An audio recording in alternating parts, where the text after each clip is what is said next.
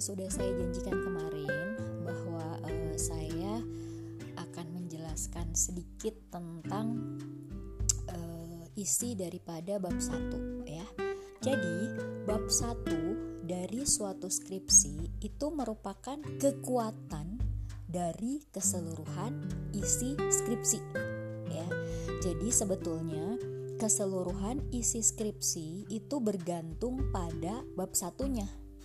Jadi, kalau apa yang kita paparkan di bab satu kurang dalam, maka penguji akan berpikir bahwa wah, pasti bab 2, bab 3, bab 4 dan bab 5-nya gini-gini aja gitu. Ya, jadi sebetulnya bab 1 adalah menggambarkan keseluruhan dari apa yang uh, Arif paparkan di bab uh, 2, 3, 4 dan 5 gitu ya. Jadi sebetulnya uh, bab 1 merupakan kekuatan dari keseluruhan skripsi yang kita tulis.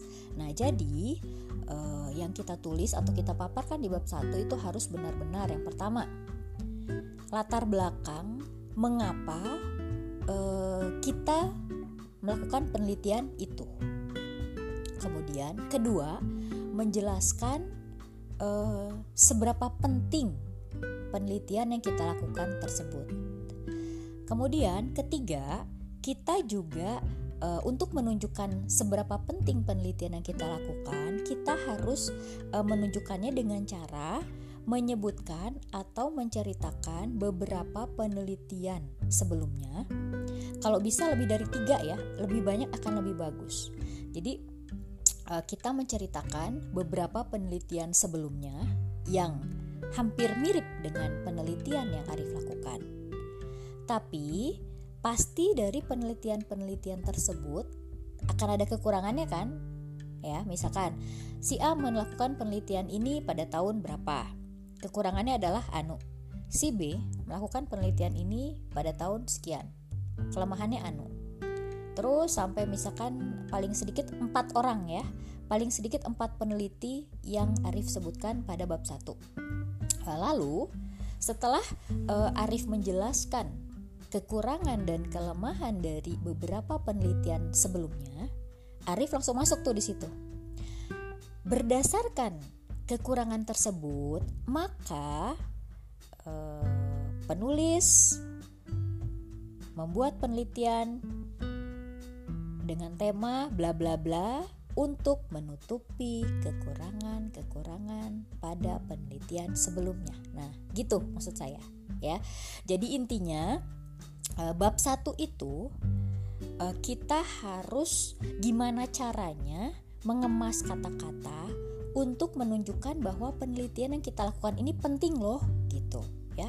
Penting, bermakna dan bermanfaat untuk orang banyak. Nah, itu ya itu e, pentingnya kita jelaskan di bab 1 karena kalau di bab 1 kita tidak menjelaskan seberapa penting penelitian yang kita lakukan nanti penguji nanya gini lalu untuk apa anda melakukan penelitian ini nah gitu nanti jadi intinya gini e, kalau kita kurang dalam ketika menjelaskan bab 1 maka itu akan mengundang penguji untuk nyecer gitu ya. Tapi kalau apa yang sudah kita paparkan di bab 1 itu cukup jelas, cukup dalam, uh, penguji nggak akan nanya yang apa ya terlalu nyecer atau bagaimana karena sudah jelas gitu bahwa penelitian yang kita buat ini penting loh gitu. Penting dan bermanfaat buat orang banyak gitu ya. Uh, lalu yang kedua poin penting lainnya uh, di sini konsistensi ya. Konsistensi antara identifikasi penelitian eh sorry identifikasi masalah maksud saya ya. Identifikasi masalah dengan maksud dan tujuan penelitian dan kegunaan penelitian gitu ya. Jadi nggak boleh beda-beda misalkan identifikasi masalahnya adalah uh, menerapkan model ya. Yang namanya menerapkan it means modelnya sudah ada kan? Nah, misalkan ini misalkan Arif menulisnya adalah mengaplikasikan atau menerapkan model. Tapi di maksud dan tujuan, Arif menuliskannya adalah tujuannya membangun model lah. Berarti kontra kontradiksi kan? Di atas katanya membangun, eh di sorry di atas tadi katanya menerapkan. Tapi kok eh, di maksud dan tujuan membangun.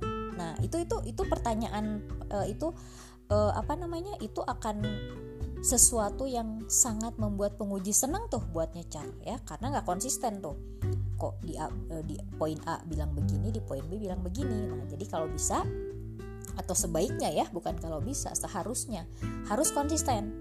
Antara apa yang kita tulis di identifikasi masalah itu harus sama dengan maksud dan tujuan juga harus sama dengan kegunaan gitu ya. Kecuali misalkan di identifikasi masalah Arif menuliskannya gini nomor satu membangun model. Nomor dua mengaplikasikan model tersebut. Nomor tiga misalkan apa uh, kemarin saya lupa lagi. Pokoknya boleh yang penting harus konsisten itu aja gitu ya. Jadi jangan beda-beda antara identifikasi masalah dengan maksud dan tujuan dengan kegunaan itu beda-beda. Misalkan yang satu membangun yang satu menerapkan yang satu lagi misalkan apa itu nggak boleh gitu ya. Oke nah, semoga penjelasan saya tentang bab satu bisa difahami ya. Kalau masih ada yang belum paham bisa ditanyakan via WA oke kasih.